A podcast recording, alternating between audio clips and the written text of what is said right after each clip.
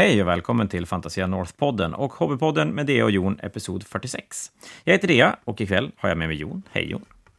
Hej Dea. Hej. Jag... Eh, eh, nej men just det, nu sitter vi här en vecka efter Fanatiken. Du som eh, spelare och jag som arrangör hamnar i någon sorts eh, post-turnerings-fanatic-syndrom. Och ikväll tänkte jag att vi skulle ja, men, snacka lite gärna om Fanatiken, om hur det är att som växla upp eller starta igång något nytt efter man har spelat en turnering och kanske jobba ganska intensivt med att måla färdigt någonting med en deadline som vi har pratat om, det här med hetsmålning, något avsnitt tidigare. Så att, eh, ska vi sammanfatta det med en? Eh, Post Fanatic Podd.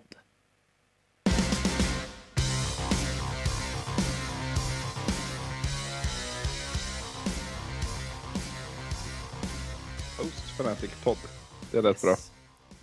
Men eftersom det är fredag hobbypodd och post fanatic podd, då måste man ju måla figurer. Fast du ska bygga gubbar. I guess. Ja, det ska jag. Så du kommer inte göra någonting alltså? Du, jag sitter och gör massor just nu. Vad då för någonting? Jag sitter och sätter ben på spindelkroppar. Men vad slut... Eh, det, här är Sylvaneth eh, Kentaur-grejer. Kentaurgrejer, ja. Precis. Arachneor. Det är spindeldamer som är typ som kentaurer fast de har spindelunderkropp istället. Och då blev det... Vad, vad sa vi nu? Du kommer använda Malifaux-spindlar som grund till mycket. Precis, de här Yorogomo från Malifaux. Eh, väldigt bra storlek på Som spindel. att någon skulle ha koll på vad det var för någonting. Du bara slängde ut det som att en Space Marine. Man bara absolut. Ja, men jag tänker att någon har koll. Jag gör en shout att någon har koll. Någon sitter där bara med sina Yorogomo och ska spela Sami eh, Ja.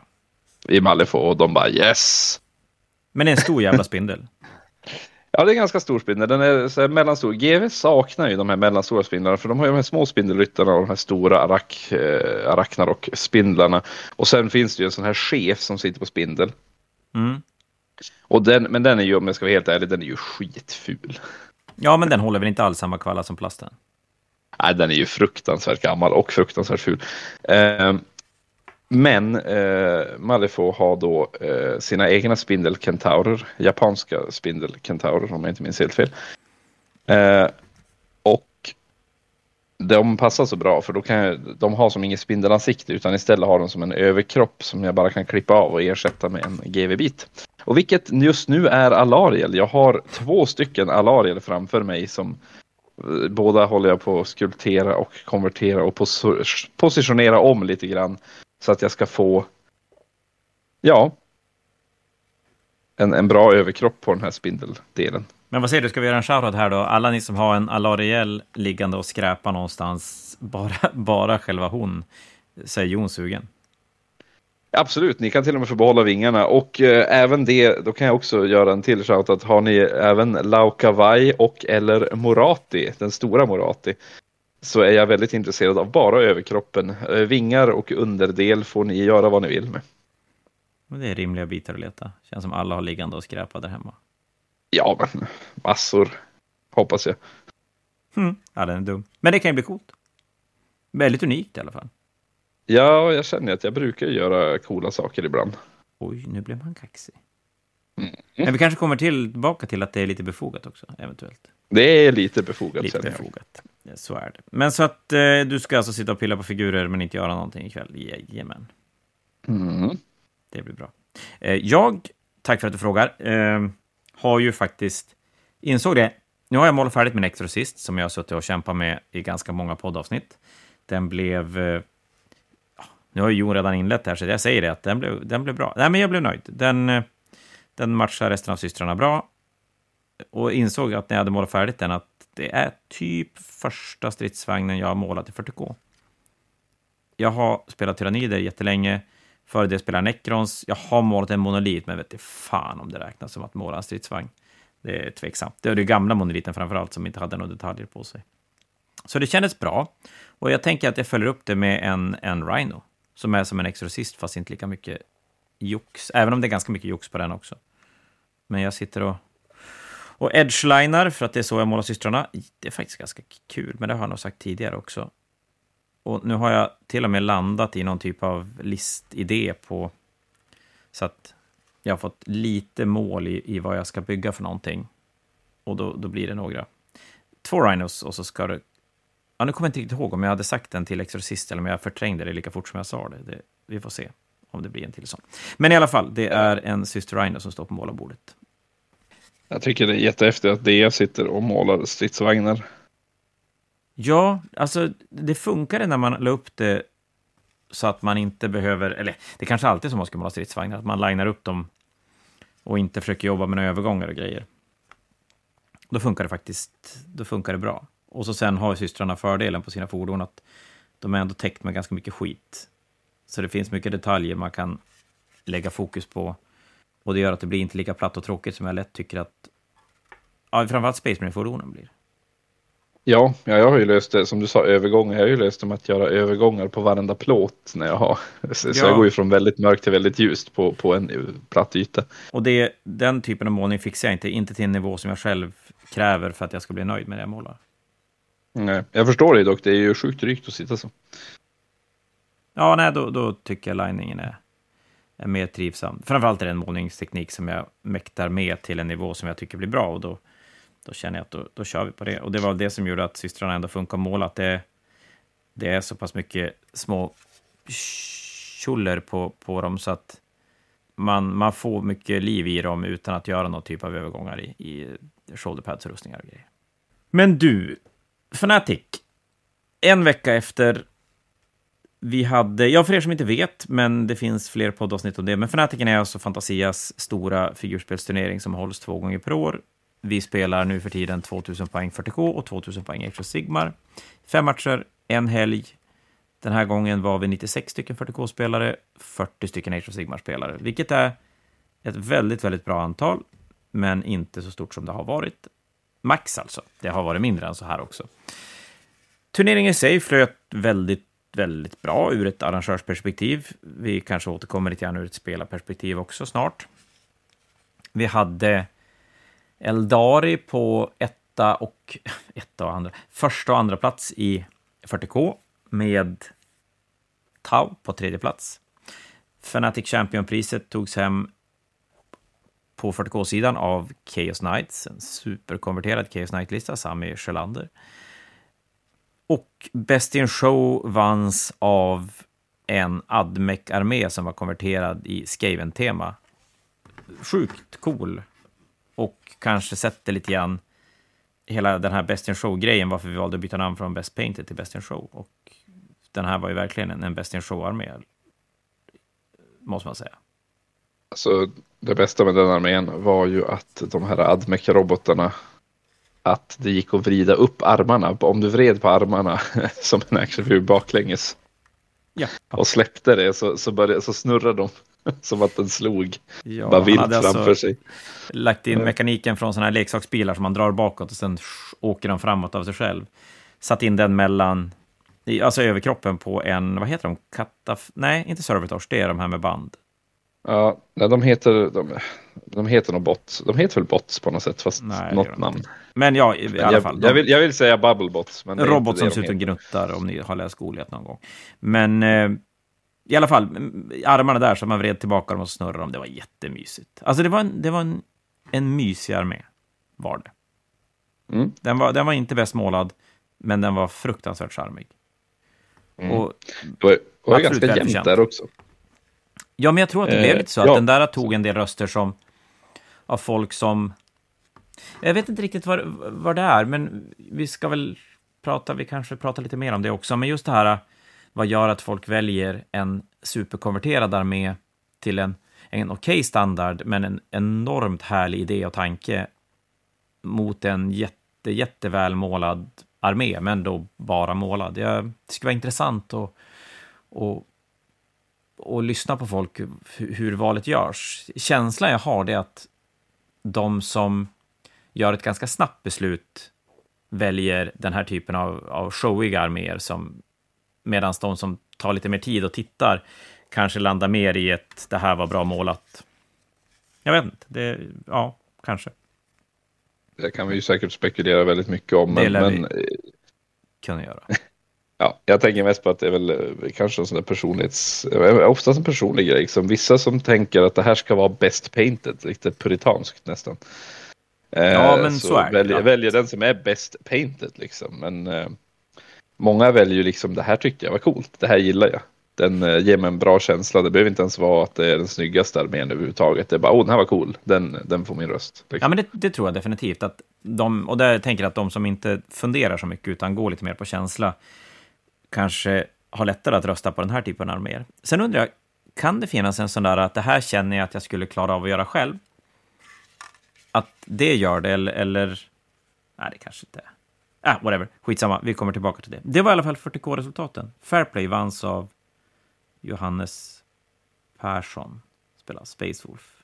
Inte första gången han plockar Fairplay, kan jag säga.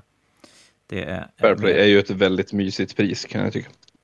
Ja, men det har sin plats och det, det är, ett, det är ett, ett väldigt, väldigt bra pris. Och jag tycker det är kul att... För vi hade... Oj, det var jättemånga som röstade. Det var, vi var 96 40K-spelare. Jag undrar om inte 88 stycken hade röstat. Någonting sånt. Det var otroligt många som hade lämnat in sin röst. Och, och det gör ju att det ändå för alla... Då har ju alla varit tvungna att göra ett val, skriva på ett papper. För er som vet, inte vet, då Fairplay, då röstar man... Vårt system funkar så att du röstar på en av dem du har mött i dina fyra första matcher. Rent administrativt klarar vi inte av femte matchen. Och den som har fått flest röster vinner Fairplay-pris. Och hamnar flera på samma, då väljer vi den som hamnar längst ner på resultatlistan. Och det gör vi egentligen bara för att då är det ännu större chans att vi sprider priserna och det tycker jag känns roligt. Det, sen kan man alltid argumentera om att det är svårare att få fair play om man vinner mycket, men å andra sidan kan det vara lika svårt att få fair play när man förlorar och blir bitter och grejer. Så att det, det går nog att dra åt båda hållen faktiskt. Det är svårare att vara trevlig om, man, eh, om det går dåligt. Ja, men definitivt. Som sagt, så att det finns nog inget rätt eller fel där. Men, men eh, det är ett pris som också uppskattas väldigt mycket. Och det, det är kul att det finns där, för det visar ju lite grann en annan del av, av hobbyn än det som gärna blir fokus på nätet i att man ska spela bäst eller måla bäst. Men det finns så mycket mer. Men du, på Age of Sigmar-sidan då, då hade vi första platsen gick till Ronja, Ronja som spelade Andersson. Soulblight. Hon vann sin fjärde Fnatic-grad. Det är fan sjukt jävla imponerande. Måste man säga. Mm. Eh, Andra platsen gick till Persig Valius som spelade Serrafoner, va? Nej. Mm. Jo, vi gjorde han det? Nej, nej, nej, nej, Korn. Korn var det. Han Korn? Ja, jag mötte honom i sista Jag matchen. gömmer inte det där. Och så, Så. Alexis, som ska iväg och spela Six Nations nu senare i, senare i år. Mm. Våran Umeå-son, vilket i och för sig Per också är. Men, och Ronja, så, fast... Och Ronja, Men, men eh, whatever. Det var fan bara Umeåbor på... Ja. Umeåbor på topp eh, tre åtminstone. Uh, Alexis spelar då Stormcast i doget. Det överger han inte i första taget. Nej. Och det har väl också gett han en Six Nations-plats, känner jag lite grann att han, han kan sin armé och eh, man får ett väldigt stabilt resultat. Eh, och där hade vi Best in Show, gick till eh, Oskar Brännström, vår egen fuskpojke, som hade byggt en fusk i vår förening här uppe i, kring Fantasia. Och byggt en Stormcast-armé med Nighthaunt-tema. Jajamän, Spooky Casts. De är skit, skitsnygga, alltså, alltså fruktansvärt snygga. Den är jättemysig Ja. att titta på och eh, jag önskar att Brenne hade en ordentlig Instagram där han la upp allt det här för att han bygger ju på riktigt fantastiska grejer. Jag vet inte om det är hans sjunde eller hans åttonde eller hans nionde Best in Show på Fnatic totalt. Det, det börjar bli många nu känner jag. Ja, vi måste ta det där och så kanske vi måste få ihop något, något eh, avsnitt med dig, Brenne och Björn, som är väl de tre som har plockat överlägset flest Best in Show, tror jag. Ja, jag, vet, jag har inte så många Best in Show på, på just Jag kanske har jag insett. Jag har, jag har faktiskt bara tre. Um, då undrar om inte Daniel Espling Bergström Hessel... Ha, eh, nej, vänta nu. Daniel Espling Bergström. Vad fan var det först? Henriksson? Ja, kanske har fler genom åren. Mm. Um, ja, ja, Det som jag var- däremot, jag är ju alltid på Best in Show-bordet. Jag ju alltid uttagen. Jo, jo, men faktiskt. Så är det. det, Det är Du gör ju onekligen snygga kreationer. Men eh, Bränna har vunnit många och den här armén är skitcool. Vi har lagt ut bilder. Om man går in på fantasianorth.com och så klickar man på evenemangsfliken och så klickar man på Fantasia Fanatic. Då ligger resultaten ute där. Då kan ni kolla eh, hur det gick och även se bilder från Best in Show. Och eh, Fairplay gick till Daniel Morén som spelat sin första Fnatic som anmäld. Jag tror han har varit reserv en gång. Och det är lite kul, måste jag säga. Han hade en, eh, en tung, han spelade Nurglan, en tung sista match när han misskastar typ tre gånger med Gucko i rad och misskastar ihjäl sin lilla magiker och grejer också. Ja, Den var visst, den var det är jobbigt. var den. Men då kanske Fast han man spelade, får en... inte, han spelade inte en Guck, han spelade Glotkin. Nej, det var Glotkin, ja. Precis, det var inte Gucko. Var det. Så att, eh, men, och, men sen har vi sparat ett pris här och det var ju då Fnatic Champion-priset. För Mm. vem vann den? Ja, det, känns, ja, det här är ju det viktigaste priset, så det är därför du sparar den. Ja. Ja, det, var ju, det, var ju, det var ju jag. Med en ny Cardona-armé vi aldrig har sett förut. Eller? Ja, den har ju varit med ett tag nu. Men Det börjar bli dags för någonting nytt, det är, det jag håller på med någonting nytt just nu. Jag håller Ja, på att limma massa spindlar. uppenbarligen. Eh. Men, ja, men en, eh, dina Cardona är jättefina och spelmässigt gick det väl ovanligt väntat bra, va? Eller? Ja, det gick faktiskt bättre förra Fnatic. Förra gjorde kom jag ju sjua. Eh, den här gången kom jag tia.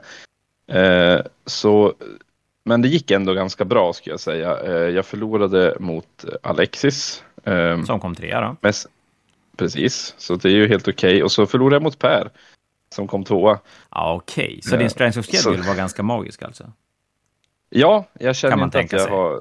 Jag behöver väl inte skämmas för förlusterna. Eh, jag kände att jag hade kunnat vinna mot Alexis om jag inte hade varit eh, så dålig på spelen.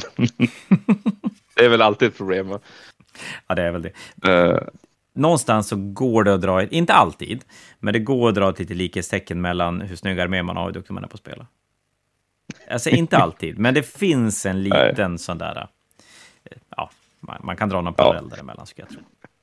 Men det är lite kul där när du sa det här med Umeå. Det är ju på riktigt, eh, hela AS-sidan var ju bara Umeåbor som fick pris. Ja, faktiskt. Det, nu var det, ska ju sägas det, att det var en enorm uppslutning från Umeå på AS-sidan och Mm. lite färre resande utifrån. Och det är klart, det underlättar ju om man ska försöka plocka många priser. Men ja, det är ju ändå, så är det roligt och man hoppas ju då att folk utifrån känner att man blir sporrad att komma hit och, och visa antingen spelmässigt lite grann vart skåpet ska gå, eller målarmässigt att komma och, och spänna musklerna mot, eh, mot arméerna som är här uppe, tycker jag man ska göra. Det tycker jag man ska göra också faktiskt. Eh, det är ju, nu ska jag väl inte skryta, men jag skulle säga att Umeå är väldigt duktiga på att ha snygga arméer i allmänhet. Ja, det blev ju skryt där, men det är ju, Men det, det är ju inte helt är obefogat.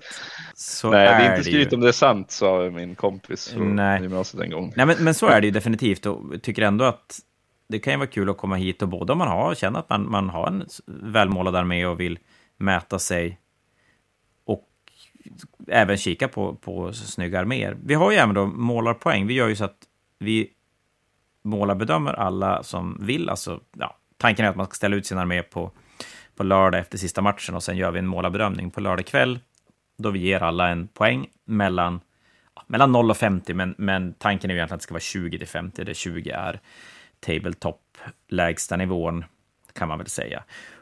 Battle ready som GW säger. Battle Ready heter det, precis, tack. Eh, och det kan ju vara lite kul kanske att få sin armé bedömd av andra också. Sen får man ju alltid ta det för vad det är, smaken är olika. Men jag tycker det är kul, där folk har ju ändå för jag minns ju, du hade, ni hade ju målarbedömning på Fnatic förr eh, och folk blev ju ändå lite ledsna och kanske ändå till och med upprörda när ni tog bort det. Det ska jag nog faktiskt säga. Att det var en sak som... Ja, men, jag tror att det är en sån här grej som man, man gnällde på när den fanns, för att den blev aldrig precis som man tyckte att den borde bli. Men man saknade den när den försvann. Precis.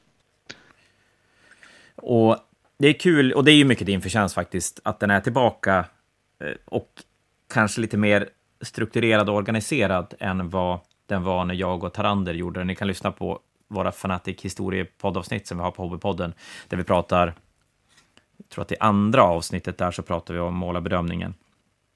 Och när jag och Trander gjorde den så då, då hade vi så här, ja men vi ska dela ut så här mycket poäng. Och så satte man sig för första armén och bara, mm, det här känns som eh, så här mycket poäng. Och så gick man till nästa armé och bara, mm, den här känns ju lite bättre så den får lite mer poäng. Och så gjorde man så genom alla hundra plus arméer och så höll man på att fan bryta ihop innan man var färdig.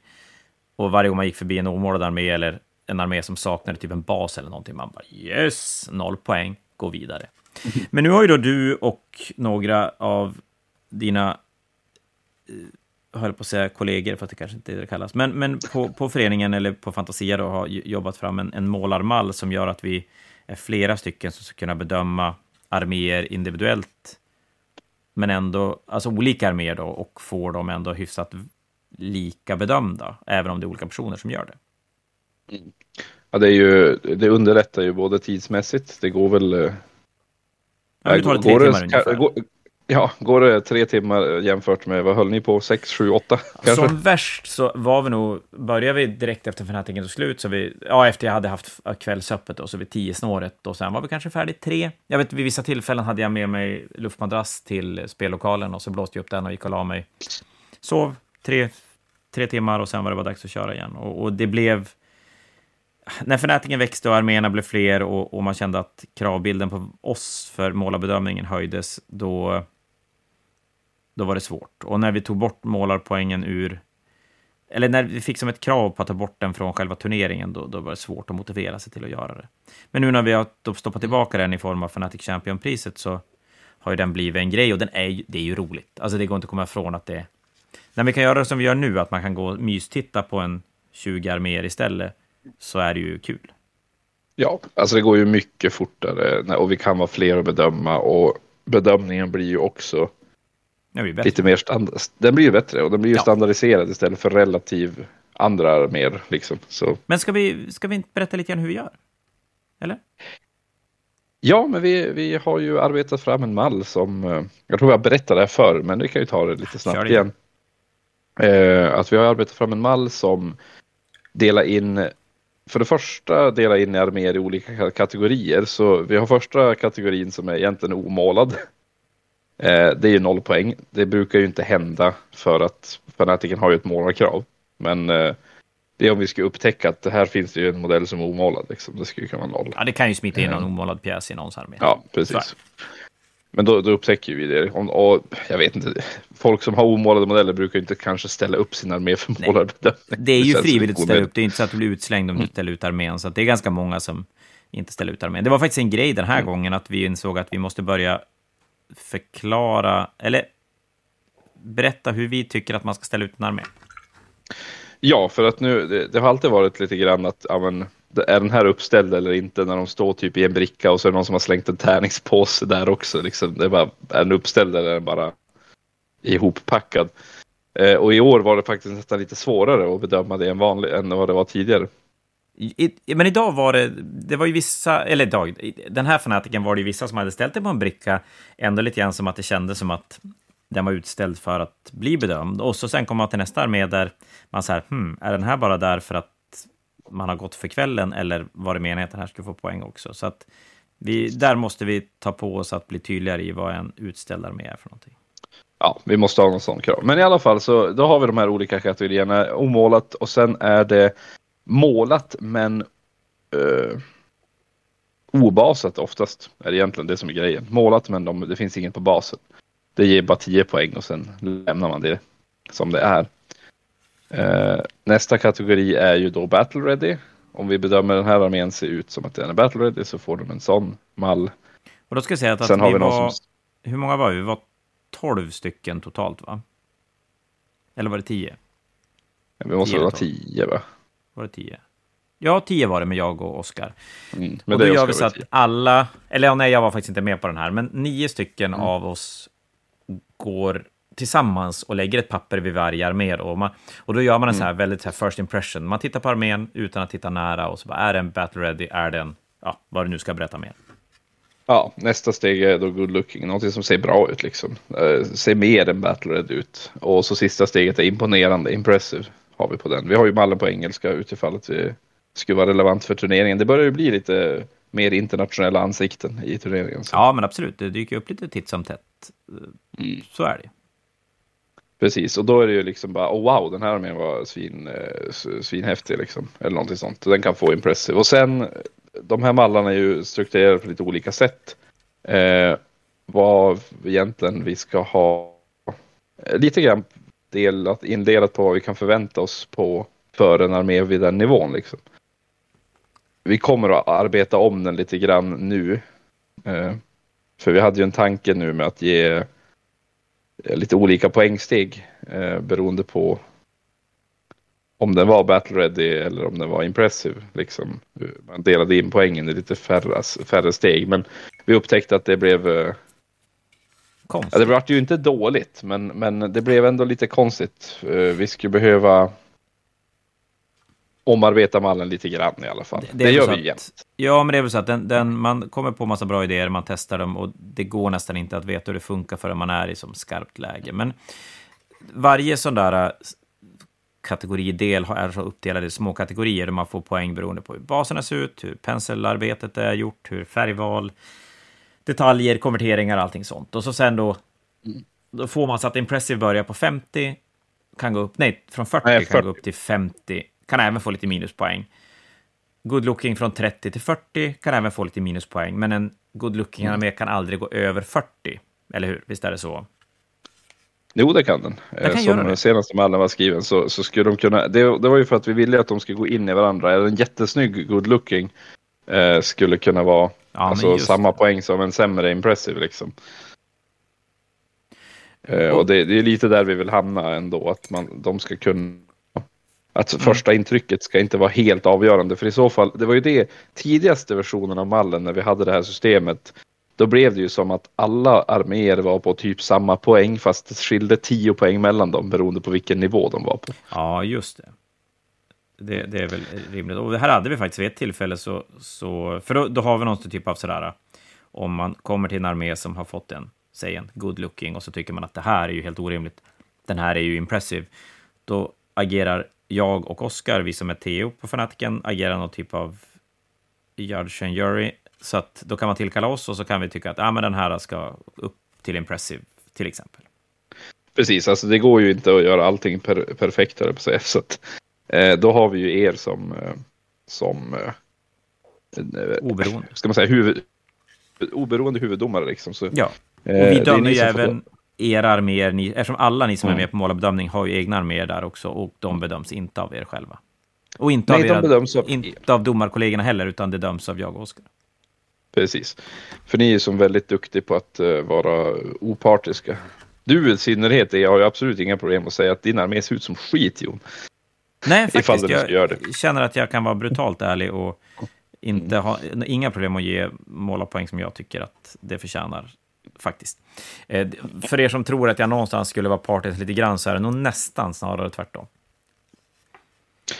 Ja, jo, du brukar ju ge mig lite mer skit för mina arméer än, yep. än jag annars. Vet du kan, och kraven är höga. Så är det. Precis. Min Harlequin-armé var du ju inte så glad på. Ah, knappt målad, det säger jag fortfarande. Den är skitsnygg det. Mm, mm, nej, ja, det är en annan femma. Men i alla fall, det, det, var, det var lite grann om målarpoängen. Och sen tar vi då ut eh, o, lite olika hur många arméer vi tar ut. Vi tar ut ungefär 10 procent till Bestian Show på lördagskvällen, som då folk får flytta till ett speciell plats på, på söndagen och så är det röstning på söndag lunch.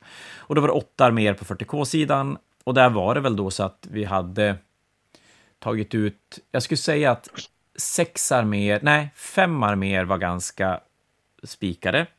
Den sjätte armén blev eh, Jonnys Admec-armé som vann. Och den togs ut, för den fick tror jag, 29 målarpoäng, vilket den hade ju ganska många arméer ovanför sig i, i målarpoängen. Men den togs ut som en, en, en liten annorlunda tanke. Jag kommer tillbaka till varför den togs ut. Och så sen hade vi två platser kvar där vi kanske hade fem arméer som, som, det, som stod mellan. Mm. Och på Age of Sigmar-sidan så hade vi egentligen bestämt sex stycken arméer, men det var en liten unik situation att vi hade fem stycken arméer som var rejält mycket bättre än det som kom sen. Och då ska det väl snarare sägas att det var inte så att det var dåliga arméer som kom sen. Det var snygga arméer därunder. Men det blev sån enorm skillnad att vi kände att vi tog bort den femte helt enkelt. Det, det blir som inte riktigt rättvist. Den sjätte menar jag. Nej, förlåt, den sjätte kunde jag känna. Att det, blev, det blev inte riktigt rättvist, även om, om det var... Det var bra arméer, men det var, det var bra tabletop-arméer. Eh, Medan de fem som var uttagna var ja, fruktansvärt snygga arméer. Det, det man gör också då när vi, när vi tar ut dem, för vi kan få lite sådana så här, men varför är den här armén inte med? Den är ju snyggare än den där. Men det vi vill göra med, när vi väljer Best in Show, det är att man, man får en, en ganska bra spridning på arméer, så att man inte tar, ja men säg att det är tre skitsnygga, eller är det tre skitsnygga arméer av samma typ, säg att tre skitsnygga Space Marine-arméer, ja det är klart, då tar man väl ut alla tre. Men om det är tre Space Marine-arméer som är bra, då kanske man väljer den man tycker är bäst, men de andra två lämnar man. För att det som händer egentligen det är att antingen så är de uppenbart lite sämre än det man har valt och då kommer de bara inte få några röster och så blir det inget roligt. Alternativt annat är att man tar ut och så sprider man ut alla som gillar Space Marines på tre olika arméer istället för att fokusera det på en. Och det känns lite orättvist också. Så man försöker få någon armé som kan som... Ja, vad ska man säga? Nu tappar jag helt ordet. Men alltså som kan, som kan ge någonting till alla olika spelare. Vi har någonting som är superkonverterat, eh, någonting som är supervälmålat, lite olika factions för att, för att det ska spridas så mycket som möjligt. Och, och det är lite så vi jobbar när vi plockar ut Best in Show. Med det sagt så det är ju alltid eh, väldigt snygga arméer som, som tas ut. Det är ju inte bara liksom, mm. nej men nu har vi för många Space Marine arméer. Nu var det väl, var det inte två eller Jo. Två Space Marine-arméer var uttagna. Det var en, en Blood Angel och en Ultramarine-armé. Men även de blir ju väldigt, väldigt olika i, i stilen. Mm. Ultramarine-armén var superklassisk, eh, vad heter det, heavy metal-stuk. Och Blood Angel-armén var ju mer en... Ja, men... Den var ju skitsnygg. Ja, men den var lite såhär John Blanche i, i... Alltså, ja, nej, den var, ja, den var otroligt snygg. Och så lite såhär non-metallic metal, även om jag ja, tycker mer kanske det var snygg sandstatyaktig. Men skitsamma, det var, den var fruktansvärt välmålad var den. Men eh, där fick faktiskt Ultramarin mer röster för att jag tror att folk gillar det här klassiska 40K. Alltså välmålat med transfers, med alltså rätt squad markings och hela, hela grejen. Ja, det är kul, man ser ju sällan de typerna av arméerna nu för tiden. Nej, men så är det ju. Det, och ser man dem så är de inte riktigt bra. De är som okej okay till bra, men inte som Viktors armé som faktiskt är snygg på riktigt. Nej, det är väldigt kul för Viktor faktiskt. Eh, och, och, då röstade folk på det på, på söndag och då hade vi då vinnarna där. Och det var väl fanatiken? Ja, det var ju det var väl det egentligen. Annat än det så är det bara att spela matcher som vanligt, så det var ju inget, det är inget ovanligt där där skiljs ju inte Fanatiken från nej, någon annan turnering. Det, det, det, man märker egentligen för, för tycker jag, så här, varje edition och varje turnering som går är ju hur stabila båda spelarna är. Det är så otroligt lite regelfrågor. Det flyter enormt bra. Och för alla som skulle vara oroliga för att spela en turnering för att det känns som att jag kan inte skit i det, vara med och spela. Det är ett perfekt tillfälle att få rulla tärning och, och träffa massa härliga människor som gör samma sak som man själv älskar. Och mm. någon kommer, måste komma sist och det kommer vara någon eldararmé där nere som, fastän folk tycker att det är sönderbrutet och, och sådär. Det, jag var med i en, alldeles innan vi spelade in den här podden, så var jag med i en fantasy draft för Malmö Wargaming Weekend som, är, som startar imorgon, som är en 40K och Age of Sigmar-turnering i Malmö. Kanske namnet sa i och för sig också. Ja, skitsamma. Och då inser jag ju det att man kan ju titta på arméer och, och försöka välja och det här är bara en helt bruten armé. Men är det fel chaufför till den så kommer den absolut inte göra några resultat ändå. Nej, precis. Det, det går ju inte um, att vinna bara för att armén är bra. Du Nej. måste ju faktiskt kunna använda den. Flytta och slå tärning. Nej, inte slå tärning. Så ska man inte säga. Flytta skiten ska man kunna göra. Göra rätt val. Ja, framförallt. Alltså göra rätt val. Du måste ju för det första sikta på rätt modell eh, och döda och sen måste du placera dig på rätt ställe. Och det där med placering är ju så fruktansvärt viktigt i de här spelen just eftersom du ska hålla objektiv och också för nästa runda så att du kan ta dig ja. dit du måste rundan efter liksom. Ja men också Age of Sigmar till exempel, ja men välja rätt battle tactic. Alltså visst är det ju svinlätt att välja första rundan, vilket man absolut kommer att klara, men du, ska ju inte, du måste ju ha kvar grejer som du kan klara senare under matchen också. Ja, alltså många battletags är ju som beroende av att till exempel du ska interagera med din motståndare. Så om du väljer först battle tactics som gör att du slipper äh, äh, interagera med motståndaren, till exempel att du ska hålla hörn med flera, eh, eller hålla sidor med flera units. Eh, och sen wipar du motståndaren, vad gör du då? Ja. Då har du liksom ingenting att göra längre. Nej, men det är ju, och det, ja, nej, så det är mycket sådana val som gör att det, det kan se lätt ut att titta på internet och hitta den brutnaste armén. Men som sagt, det kanske gör att du kan komma 25 istället för 35 Men eh, det gör nog inte att du vinner turneringen bara sådär. Helt apropå. Nej. Nej, det gör det inte. Så, men ja, eh, helgen, för er som inte hade möjlighet att vara med, det var en som vanligt en superhärlig helg och, och som sagt, har ni möjlighet att spela turnering, om det så är i Umeå eller om det är i Malmö eller i Västerås eller era mer lokala mindre turneringar, så tycker jag definitivt ni ska ta chansen. Det är en upplevelse som eh, är svår. Ja, men det, det, det är en jävla rolig helg, helt enkelt. Ja, det är jätte, jätte, jätteroligt. Men då tänkte jag ju, det, det är ju en ganska intensiv tid före en turnering, både som arrangör och som deltagare, framförallt om man inte riktigt känner att man är färdig med sin armé. Vi pratade om hetsmålning förra avsnittet. Var det det? Jo, jag tror det. Jo, det var det. Och, och det är som en grej, och det är nog ganska många som oavsett vad du har för ambitioner av turneringen, så ganska många hamnar i det här att man, man måste hetsmåla upp gubbar i slutet för att man har kanske varit lite slarvig på att göra färdigt. Man kanske har kommit på att man vill byta ut någonting i slutet, svängen. Man, ja, massa olika anledningar till varför man sitter och hetsmålar i slutet. Och så kommer man och så spelar man fem matcher över en helg, för för många är ju det mer matcher än man har spelat resten av året. Och det är ganska mentalt påfrestande att hålla fokus i fem matcher Även om du egentligen inte bryr dig om du ska vinna. Bara samma, komma ihåg regler. Eh, ja, det brukar kunna vara ganska surrigt i lokalerna, för det är mycket folk som rör sig där runt omkring. Och, och det är mycket att hålla reda på och komma på och, och sådär. Så man är ju ganska, man är ganska tömd efter man har spelat en turnering. Jo, alltså det är... Det är ju faktiskt väldigt påfrestande.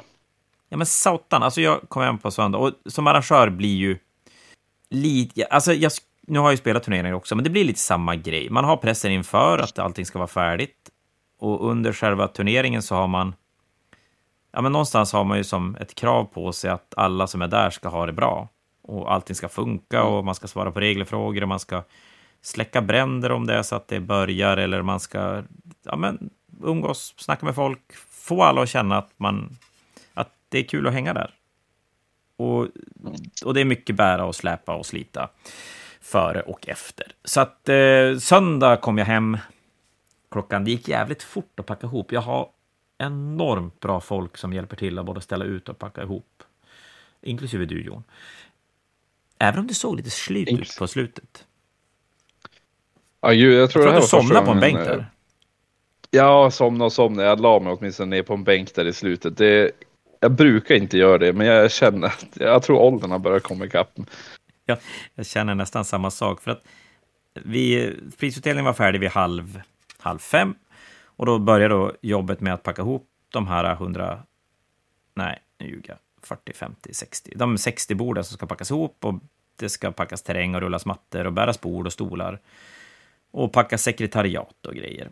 Så att jag var hemma, vi brukar gå och käka tillsammans efter vi har städa ihop allting, alla som hjälper till. Så det är mitt sätt att tacka är väl att bjuda på lite käk i alla fall.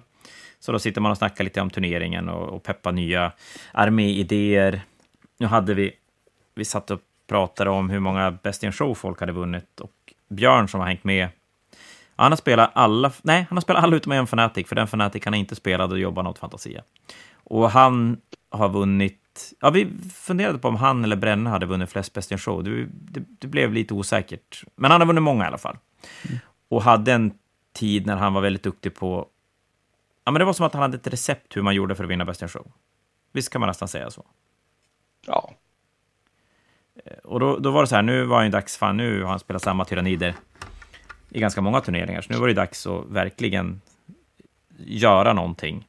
Och då började vi spekulera kring systrar, hur man skulle kunna bygga ett display tray med, med systrar som skulle kunna bli helt magiskt. Så att, och det är rätt kul när man är pepp efter att ha sett eller spelat massa 40K. Men sen då kom jag hem klockan, ja, klockan var nio typ. Och så ska jag då tänkte att jag skulle sätta mig och lägga ut alla turneringsresultat. Så att det finns, för det är ju många som vill se det på en gång. Framförallt Best in Show, Fnatic Champion-priset som inte finns på BCP-appen. Så jag sätter mig, så här, men jag sätter mig i soffan och bara ska ta det lite lugnt en stund. Och så sen vaknar jag av att min fru låter lite irriterad när hon säger nu går jag och lägger mig. Man bara okej. Okay. Eh, då har hon försökt väcka mig tre gånger. Jag har ingen aning om att någon har försökt väcka mig. Jag har bara somnat om. Så att klockan är typ elva. Jag vaknar i soffan, hoppar i duschen och går och lägger mig och tänker att resultatet får fan komma ut imorgon istället. Mm. Ja, men det är väldigt enkelt att göra. Alltså, det är ju väldigt dränerande att hålla på så här. Jag tror också att för mig som spelar. Det har blivit mer dränerande eh, att spela sen jag blev bättre på att spela. Det kravbilden har höjts för dig själv kanske?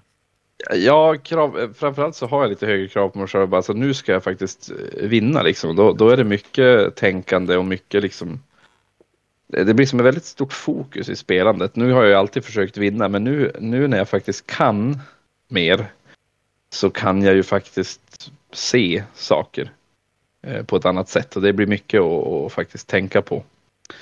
Så ja, det, jag, tror att det, jag tror att faktiskt det har blivit eh, vad ska man säga, jobbigare att spela eh, sen jag blev bättre på att spela. Och så har vi blivit äldre. Och så har jag blivit äldre på i den kombinationen. Så det, därför kommer jag nog antagligen att lägga mig på en bänk efter, efter allt det där. Eh, för det är ändå ett arbete att plocka ihop också, gå i stolar och Ja, och så funkar inte taggen så att jag får använda mitt eget kort. Japp, du får vara nyckelchef, gatekeeper. Ja. Det... ja, det är ju som det är. Så varenda gång någon skulle ut till soprummet så var det bara upp med dig Jon, jag ska, vi ska slänga Japp. sop. Det är så jävla yes. Jag tänkte bara säga att efter Fnatic, då finns det, jag tror att spelare hamnar i två lägen. Antingen så blir de supertaggade på att spela mer eller spela ett nytt projekt. Eller alltså spela, eller göra, bygga en ny armé liksom. Eller så blir man så dränerad så att man känner att man behöver en hobbypaus. Mm. Jag kan tycka lite grann att känslan jag fått nu efter att ha hållit 44 Fanatics, det är att det är sjuka att det är nästan alltid så att det sammanfaller. Alltså, det, det är som att efter en fanatiker, lite antingen eller. Det finns ju självklart folk som går mot, mot strömmen, men det är lite så att antingen är majoriteten ganska nöjd och behöver en liten break så att man kanske testar ett annat spel eller att man rent av tar någon, någon vecka av där man tar en liten break från hobbyn i någon vecka. Det är ju sällan längre tid än så. Eller så är det sån unisont bara superpepp att bara börja bygga nytt. Och nu är det så nära in på en, för att nu har det bara gått en vecka sedan Fanatiken, så jag vet inte riktigt var det landar den här gången. Det har varit ganska lugnt på jobbet, så att det är inte så att folk har kastat sig tillbaka till spelborden eller köpt massa grejer för att bygga nya projekt. Men jag, jag, ska inte säga att jag riktigt vet vart, vart det landar någonstans den här gången. Men det är som du säger, det är lite antingen eller. Är det. Och det är, det är som eh, kul. För mig har det nästan alltid varit så att jag blir taggad av Fnatic. Spelar jag Fnatic så blir jag som taggad på dels göra en ny armé men också att kanske spela mer av det spelet jag spelade. Så att jag minns att det var några år sedan nu, eh, men eh, då jag var som lite halv otaggad på 40K. Sen så, så ska jag ändå vara med, med på en Fanatic och spela 40K. Jag tror det var med mina Custodes eller om det var med mina Harlequins, jag kommer inte ihåg. Eh, och efter Fanaticen då var jag svintaggad på att spela mer 40K och göra en ny 40K-armé och alltså det var det är jätteroligt och jag blir alltid så eh, efter Fanatic. Eh, specifikt Fanatic-turneringen gör mig ännu mer taggad på att göra en bättre armé och göra en ny armé och spela mer. Liksom. Det tycker jag är jättekul. Ja, men jag tror att det blir så. Man, man, man är som uppe i folk som är väldigt pepp Eh, under turneringens gång och jag tycker att generellt sett så är ju stämningen känslan jag får att stämningen på en fanatic blir bara bättre och bättre för varje år som går. Det är färre incidenter, färre personer som beter sig. Och det gör ju att nästan alla som kommer därifrån kommer därifrån med en väldigt, väldigt, väldigt positiv känsla. Och jag tror definitivt inte Fanatic är unik i det. Jag, jag tror alla turneringar märker av det. Och jag gissar, utan att veta säkert, men jag gissar att det är på grund av att spelen är tydligare nu än vad de var tidigare. Så att, eller ja, två saker. Ett, spelen är tydligare, reglerna är mer välskrivna. Jag kände att så här, regelfrågor, det var inte många. Och nästan alla regelfrågor är supertydliga i regelboken. Men jag, jag fattar ändå att man ställer frågor, för att allting är inte så himla lätt att hitta när man inte är van att bläddra i regler. Och då är det lättare att fråga en TO än att stå och försöka hitta det själv. Men som TO så är det ganska ofta man kan visa i regelboken att titta, här står det så här och så står det så här där, därför blir det så här. Och då blir det ju inte samma känsla av att jag har som TO tolkat regler annorlunda än den som frågar reglerna. Och därav mindre dålig stämning. Sen en annan sak som har förändrats i figurspelshobbyn ganska hårt sista åren, som gör att spelet nästan alltid blir trevligare, det är att man spelar mycket mer med intent än vad man gjorde förut. Jag tror också det. Just det bara att man, man säger vad man vill. Mm. Och det, det, det, det, är ju också lättare att göra det nu än förr. För att nu är ju spelet mer öppet. Förr skulle du ha dina magic items hemliga och du fick inte, du fick inte mäta liksom. När du gjorde saker. Nej, och, och det är klart, och så, så här, det där var ju lite fuskmätning för att du la ut din arm och du vet hur långa dina glasögon är eller vad det nu kan vara för någonting. Ja, men typ. och, som du säger också, det här med att man hade spells kanske lite dolda, man hade till, eller den, på den tiden man hade kort med kraft eller power. Alltså, jag vet inte vad du har för kort på handen. Jaha, du hade för att kunna kasta en till spel. Ja, det visste jag ju inte. Det var ju synd. Det hade ju varit bra. Och, och det är klart, så allt sånt där gacho, även om det är medvetet gacho, att man, eller att man är medveten om att det kommer att vara sådana situationer, så blir det ju riskerat att det blir större. Att, jag kan inte prata. Det riskerar ju att det blir Nej. dålig stämning av att man säger, för fan, alltså jävla otur jag har. Ja, sådär. Mm.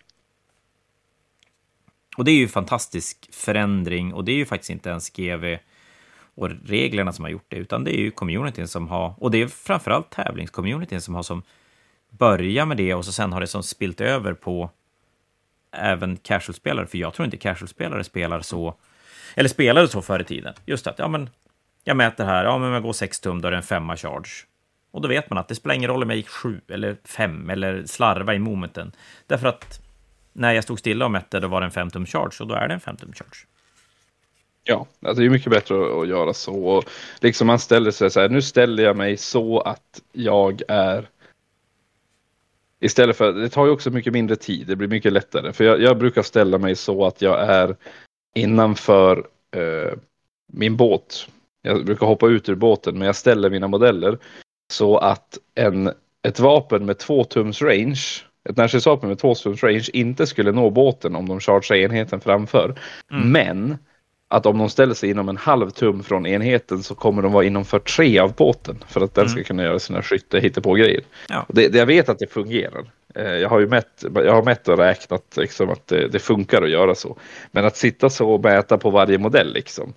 Ja, det är hopplöst. Då är det bättre. Nej, alltså det är jobbigt och då är det bara bättre att säga att jag, jag, min intent är att jag ska stå så. Visst, man kan ju mäta hyfsat noggrant så att jag ska, jag ska stå så, men då gör det inget om någon har liksom någon modell har lyckats pillas ut lite för långt liksom så att motståndaren inte bara haha där missar du. Utan Nej, men exakt. det faktiskt blir som att chargear den då kommer du kunna skjuta med den där båten. Ja. Absolut. Är som, man är som måste, överens med hur det ska Ja, ske. men så måste folk ändå vara sådär att vara uppmärksam på vad motståndaren gör. Tycker du att det här, mm. ja men det där kan du verkligen blocka av mig så att jag inte kan deepstrika där. Ja, då mäter man tillsammans och kollar. Ja, mm. nej, men det kan du inte. Ja, men fine, då, då kan inte, min intent kan ju vara det, men har jag inte modeller för det, då kan jag inte göra det. Så att, Nej, att hela tiden alltså, ha dialogen när man spelar. Fysiskt.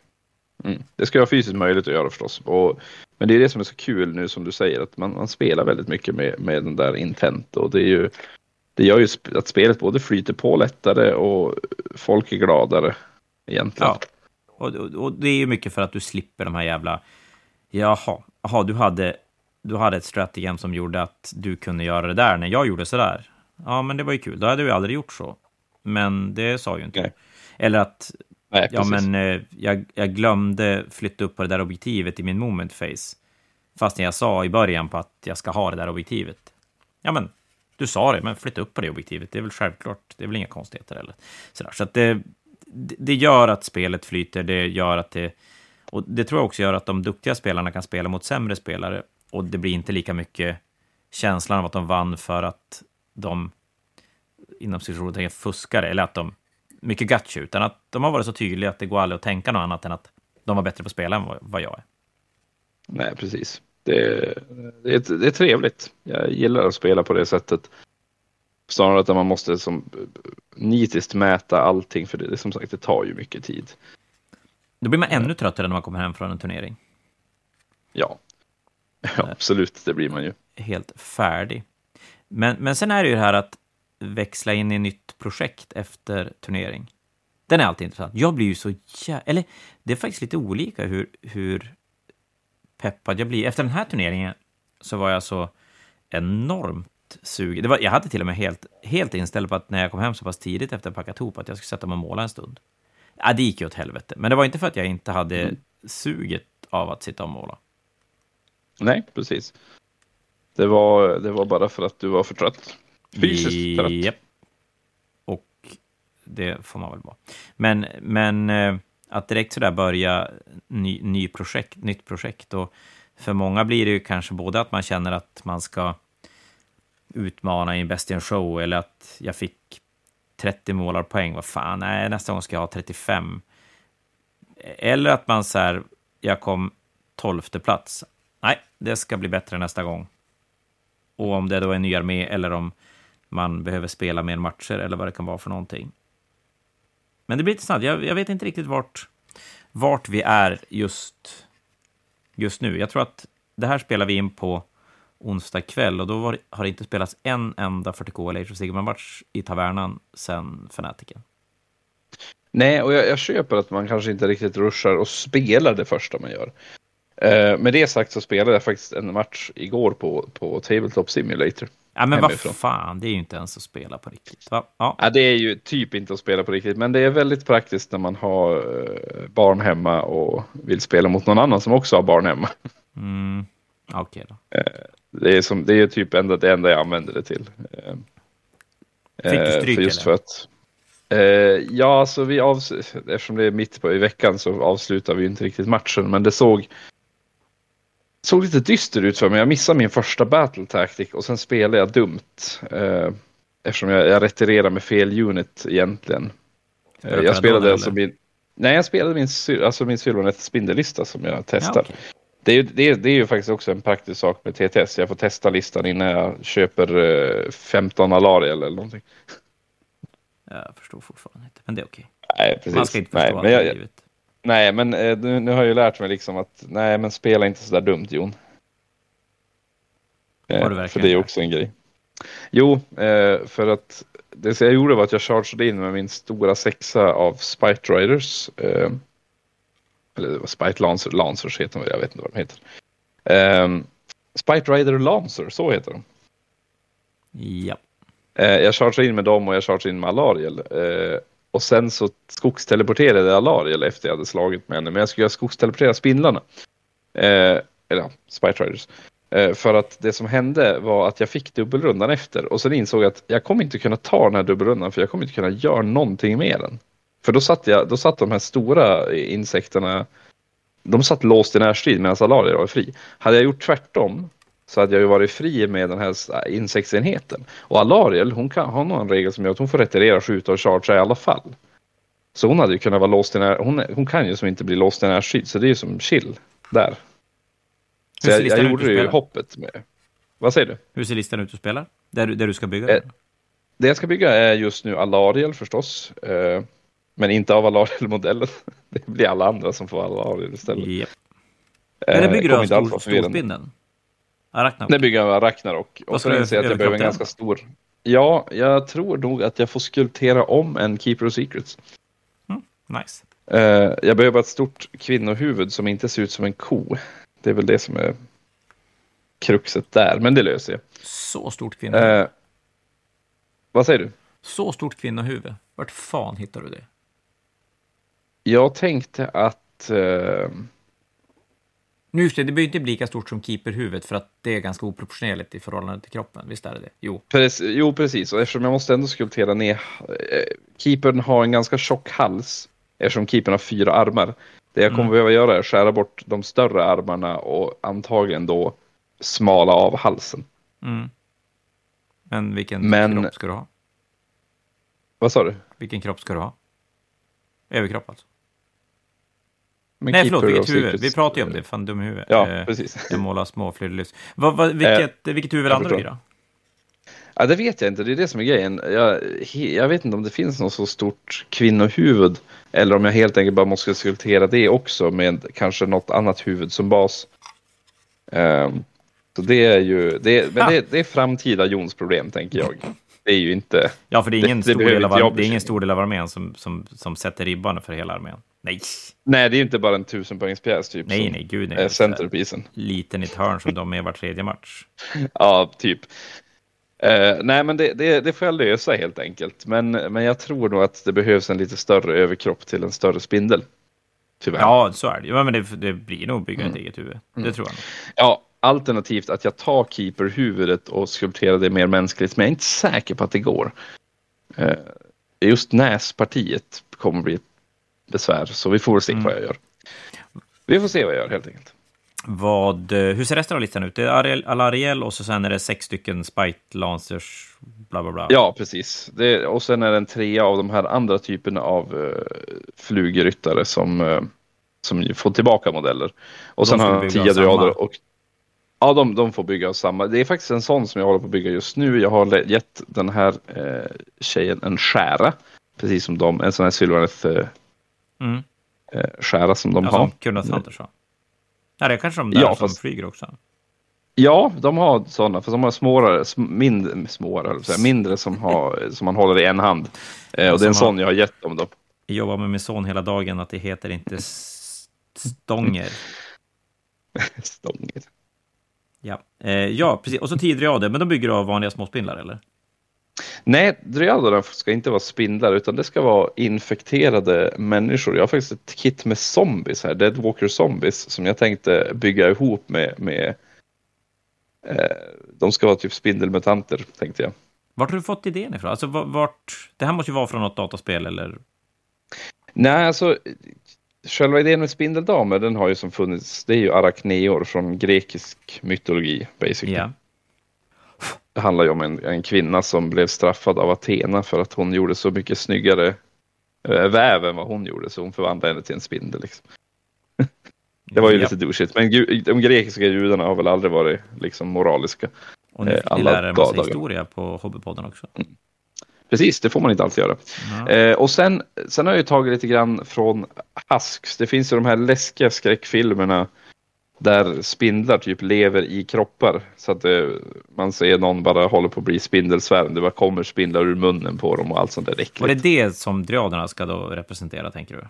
Ja, mitt problem med dryaden är att de har sju i move så jag måste göra att de ser lite snabbare ut. Tree Revenant ska jag också göra på samma sätt. Mm. Eh, och det är det jag ska ha liksom, ha de här zombies till. Jag tänkte om jag gör zombies så att de ser mindre ut som zombies och mer ut som eh, människor som har spindlar i sig. Och det är lite trevligt för de har ju så här trägrenar som skjuter ut ur kropparna. Jag tänkte om jag bara byter ut dem mot spindeldelar Ja. så blir det coolt.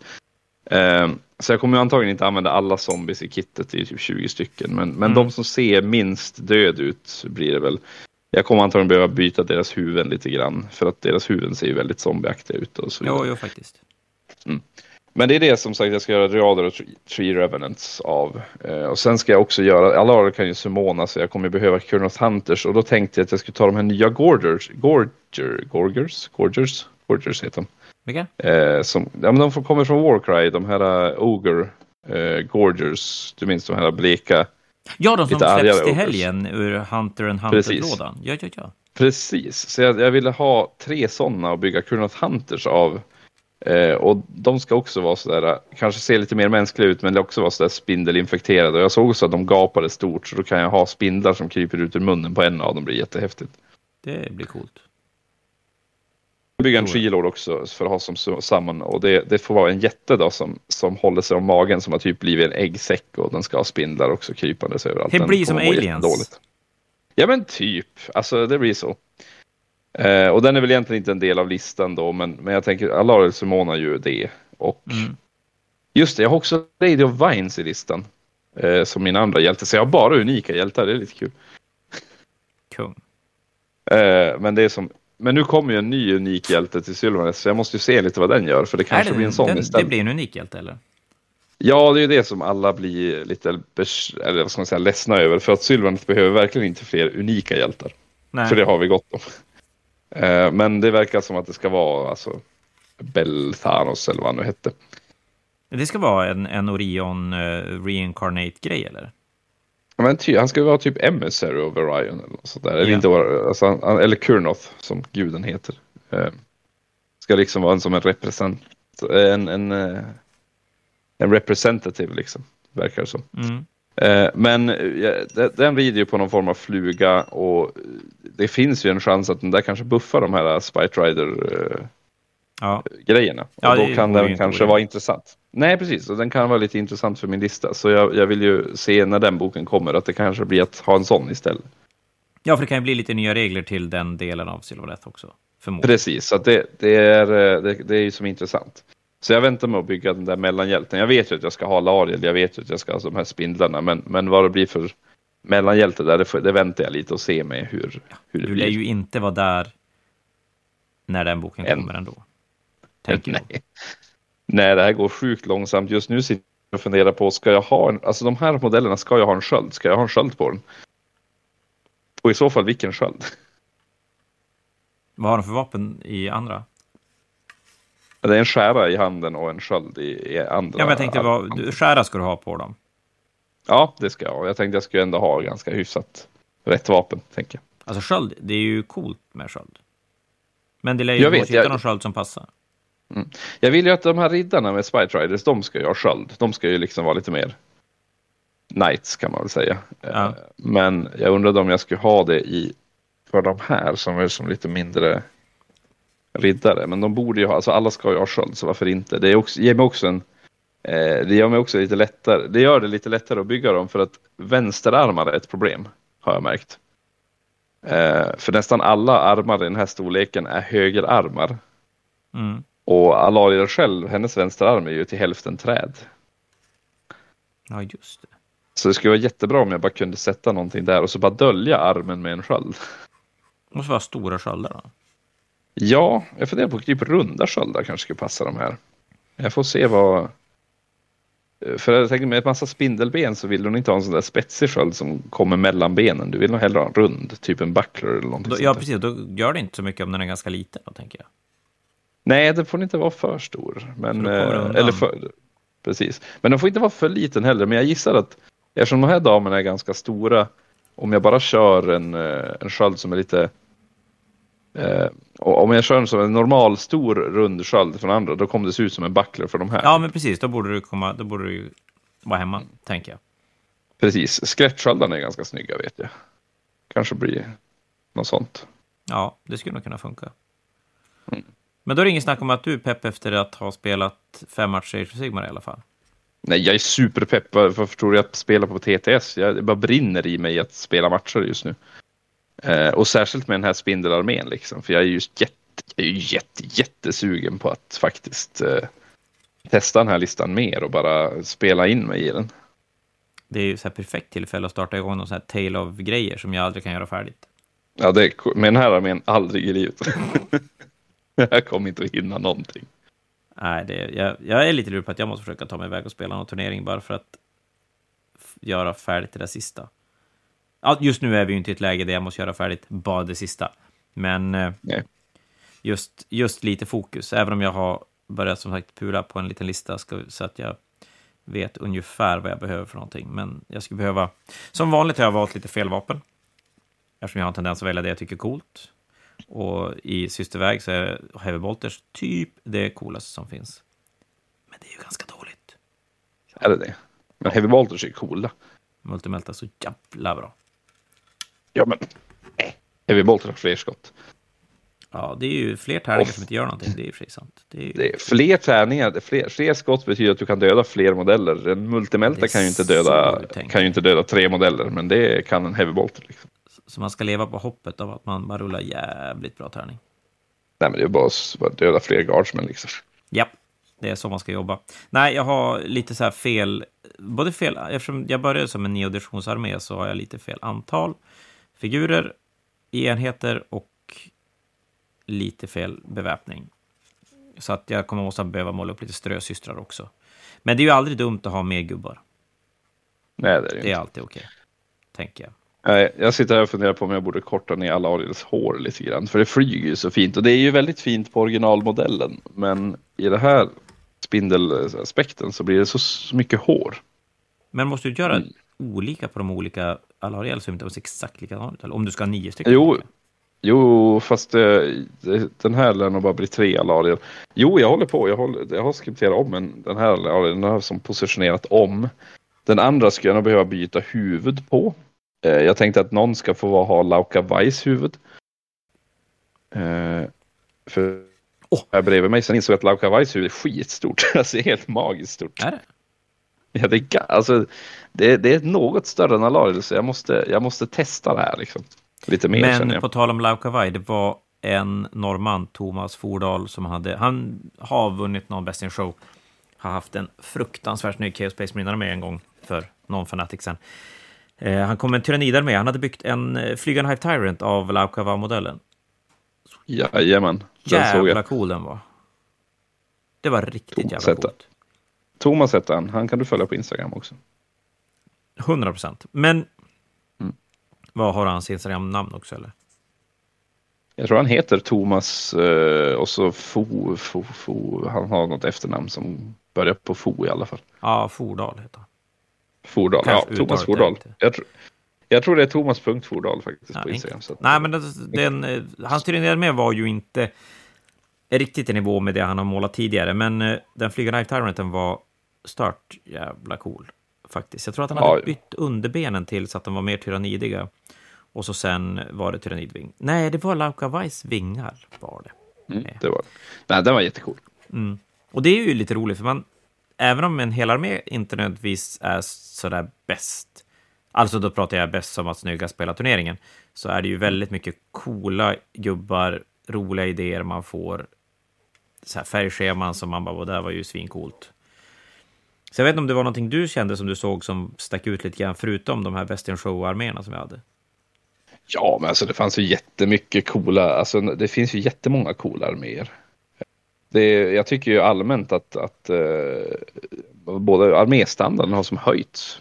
Ju, ju, ju, fler år som går, som du pratade om det också, liksom att uh, för bara fyra år sedan eller till och med färre år sedan, det, då skulle jag kunna ta min Space Marine armé och bara automatiskt vinna Western Show i, i 40K. Ja. Det skulle inte vara någon snack om det. Det, det finns, det, det, var ingenting. Men nu känner jag att om jag ställer ut den nu, jag, har, jag är inte säker på att vinna. Jag, definitivt, jag skulle kunna vinna, men jag, jag, jag, vågar, jag vågar inte liksom ta gift på det. Nej, men det är som du säger, att, att hade vi backat bandet före pandemin, då hade du 100% vunnit med din Space Marine armé som det ser ut. Det hade inte varit någon snack mm. alls. Men Precis. nu är det ju en armé som är tillräckligt snygg för att vinna många gånger om man tittar på vad man inom citationstecken kan förtjäna.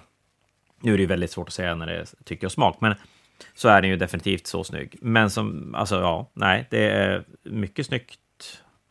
Och jag tror att en sak som gör att Jonny vann den här gången, och jag vet inte, det, det, kan låta som att jag inte tycker han förtjänar, och det tycker jag verkligen att han gör, så det här handlar inte om det. Men att det är ett par stycken inom situationstecken bara välmålade arméer gör att någon som vill ha en snyggt målad armé kommer att sprida ut sina röster på fyra olika arméer.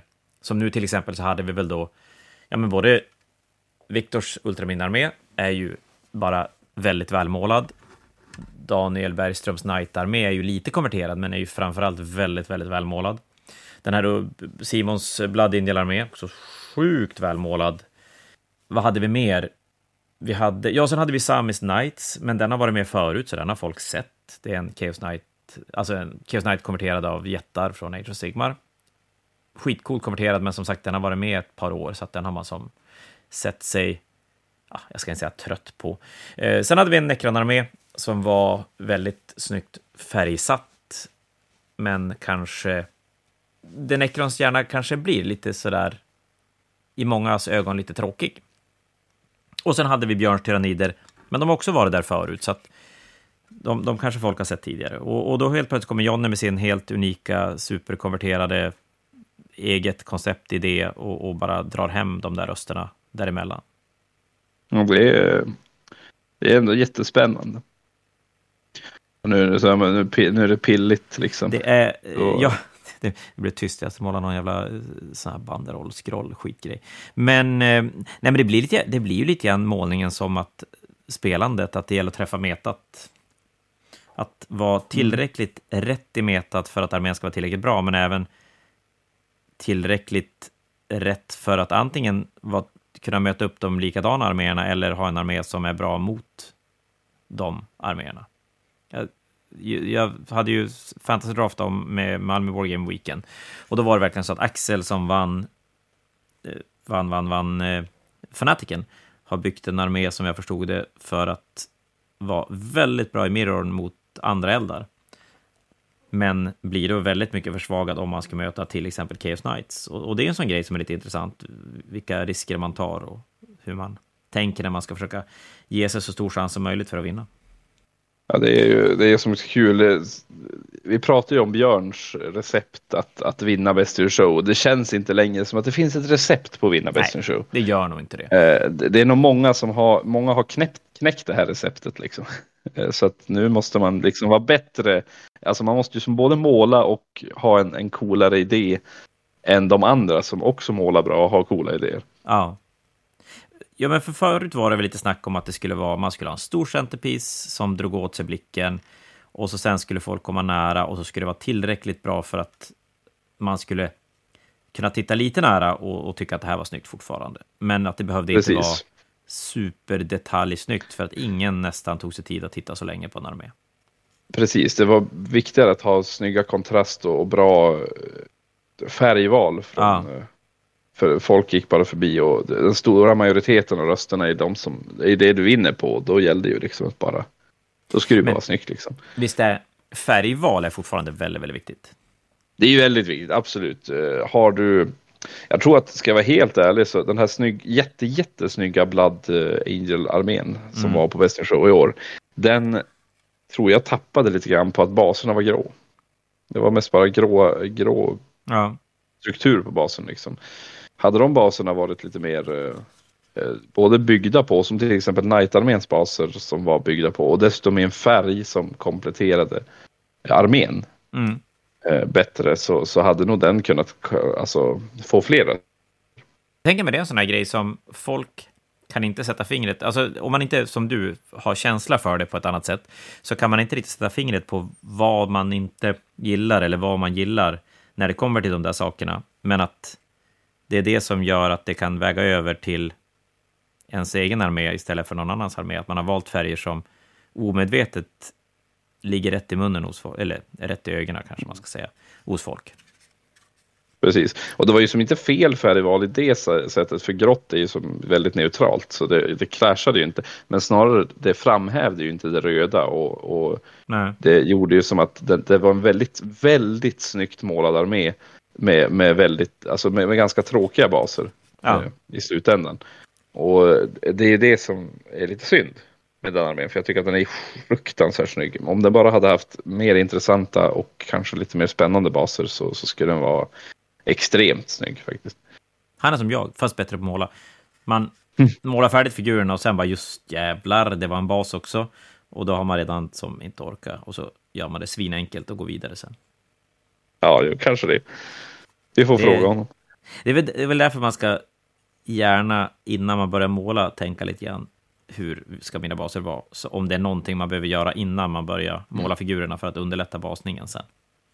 Precis. Jag har ju börjat göra så här nu att jag, eh, jag bygger typ ihop basen med, eh, med eh, modellen. Eh, till och med. Ja, så okay. att, ja, du jag, tänkte jag, att struktur och grejer på basen. Ja, delvis det, men också hur jag bygger. Alltså modellen spelar faktiskt roll. Det är för att jag behöver försöka bygga ihop modellen med basen nu för tiden. Så Ja. att de är en del, istället för att det är en modell som står på en bas, så är basen en del av modellen. Liksom. Så att till och med att kanske modellen interagerar med någonting på basen. Ja, det blir som GVs baser som, där figuren sitter fast lite grann i basen och på något sätt är en del av Ja, basen. men typ. Typ någonting sånt. Liksom att, eh, och det kommer bli lite mer extremt kanske på spindlarna här, för de måste ju klättra på saker och allting. Eh, Så jag kan ju inte bara ställa dem på en bas. Jag måste ju nästan ändra vissa benvinklar för att passa på det som står på basen. Liksom, så att det ser naturligt ut. Så att det faktiskt ser ut som att de klättrar på basen och inte bara liksom jag har limmat en spindel på en sten. Liksom. Helvete vad du har hypat upp den här med nu. Det vet du va? Ja, men jag, är ju, jag är ju hypad på den själv. Alltså, det här kommer bli Ja, svinroligt. Och, och varenda armé jag gör, alltså, det, är som, det, är som, det är det som är så kul. Varenda ny armé jag gör blir ju alltid bättre än den gamla. Du vet att din Space Marine, din Space Marine-armé har satt den ribban ganska högt. Bara så att du vet. Jo, absolut. Den, men den håller ju ändå ganska... Den känner jag har ju ändå lagt ner tid. Näst, alltså den har jag ju lagt orimligt mycket tid på för att det vara en armé. Om jag ska vara helt ärlig. Och du tänker ändå att det här ska Ehm. bli bättre? I och för sig, det kanske byggs mer så att det blir... Ja, så det är ju bättre på ett annat sätt kanske. Men, men det jag menar mest är att jag lär mig ju saker hela tiden när jag målar. Jag, jag målar ju väldigt mycket olika saker bara för att jag tycker det är kul att göra lite nya grejer. Och om man tänker eh, om jag, skulle, jag tänker alltid, ska jag göra samma armé igen så skulle den ju bli bättre. Så ska jag göra samma Space Marine armé igen så skulle den antagligen bli bättre. Men nu är min Space Marine, Space Marine armé lite, lite speciell va? för att den, eh, den har ju tagit så lång tid på att göra. Och, eh, så den är lite mer speciell. Men om jag tänker min Caradron armé till exempel, den är ju mycket mer snabbgjord än Space Marine armén. Mm. Eh, Så, så det här kommer definitivt bli bättre än Caradron-armén. Eh, Den kommer bli bättre än min nuvarande Sylvaneth-armé mest bara för att den har ju åkt i, i backen en gång. Men, Sämst. eh, den kommer definitivt bli bättre än Harlequin-armén. Eh, ja, men enligt det dig är väl att du antagligen. ska, väl, du ska väl måla den, tänker jag? Eller? Ja, eh, Ja, då kommer det ju och, bli bättre. Ja, Alltså du och min Harlequin-armé, ni har ett ja, eh, vi gillar inte komplicerat... den. Det är eh, fan inte Nej, ni gillar verkligen inte. Nej, Nej, det är ni inte. ens lite grann. Eh, jag... Men, eh, ja, nej. Nej, nej, jag tänkte bara säga att eh, jag tycker det är så roligt för vi pratar, vi, vi, vi, vi pratade ju lite grann om Post Fanatic, men vi, vi kom i slutändan in lite mer på våra egna arméprojekt. Japp. Det blir så ibland. Men det är ju lite post Fanatic så också. ibland. Ja, alltså vi har är ju, även, vi har roligt. ju Alltså. båda varit med i Fanatiken, så att vi är ju, eller ja, vi har varit, båda varit en del av Fanatiken. Så jag ska säga att jag lär mig också lite grann vid varje nytt arméprojekt. Att det är bra att aldrig lära sig nya saker. Så är det väl. Då lär man sig det, det man kan ännu bättre. Så jävla bra. Men det här blir, alltså, blir jag ganska nöjd med mina systrar. Men det Faktiskt. tycker jag att du kan bli. De är Det är ju, det är ju snygga systrar.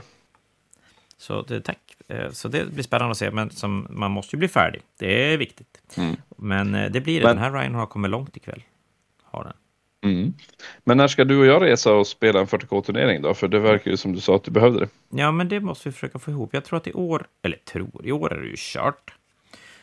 Nästa år vet jag att det är inte supermycket spel på våren här i Sverige. Tror inte det i alla fall. Ja, det är väl Gotcon i och för sig arrangerar väl Nile en turnering. Det skulle kunna vara någonting. Kanske. Det brukar inte vara något i. Västerås.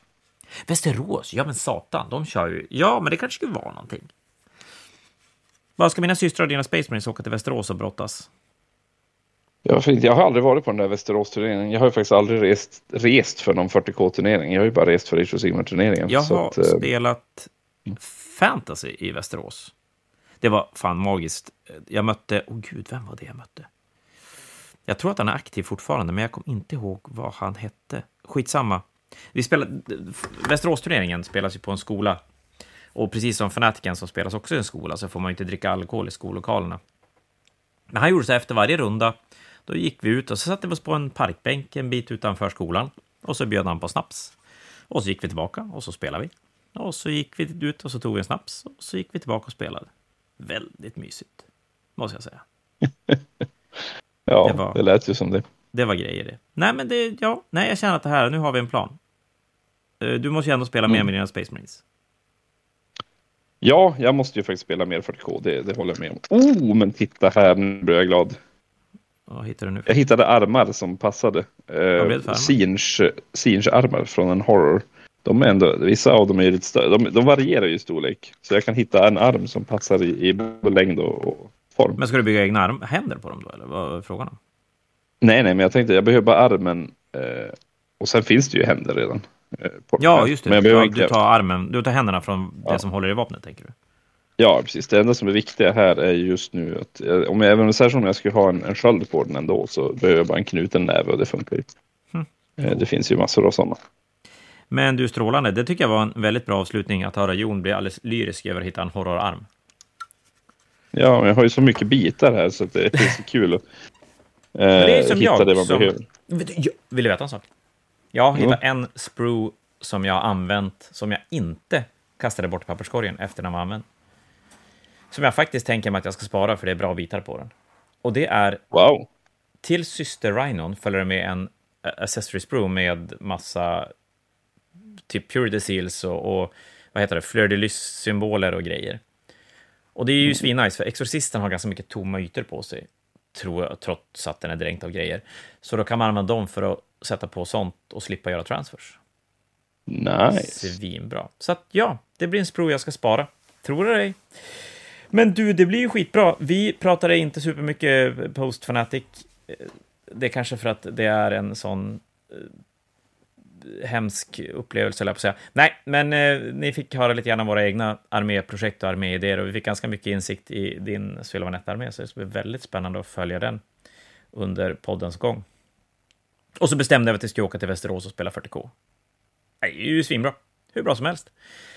Men då Yes, gör vi så att vi säger eh, tack för ikväll. Ni som lyssnar på oss och ska spela Malmö-turnering i helgen, även om det är 40K eller Age of Sigmar, så får ni lycka till.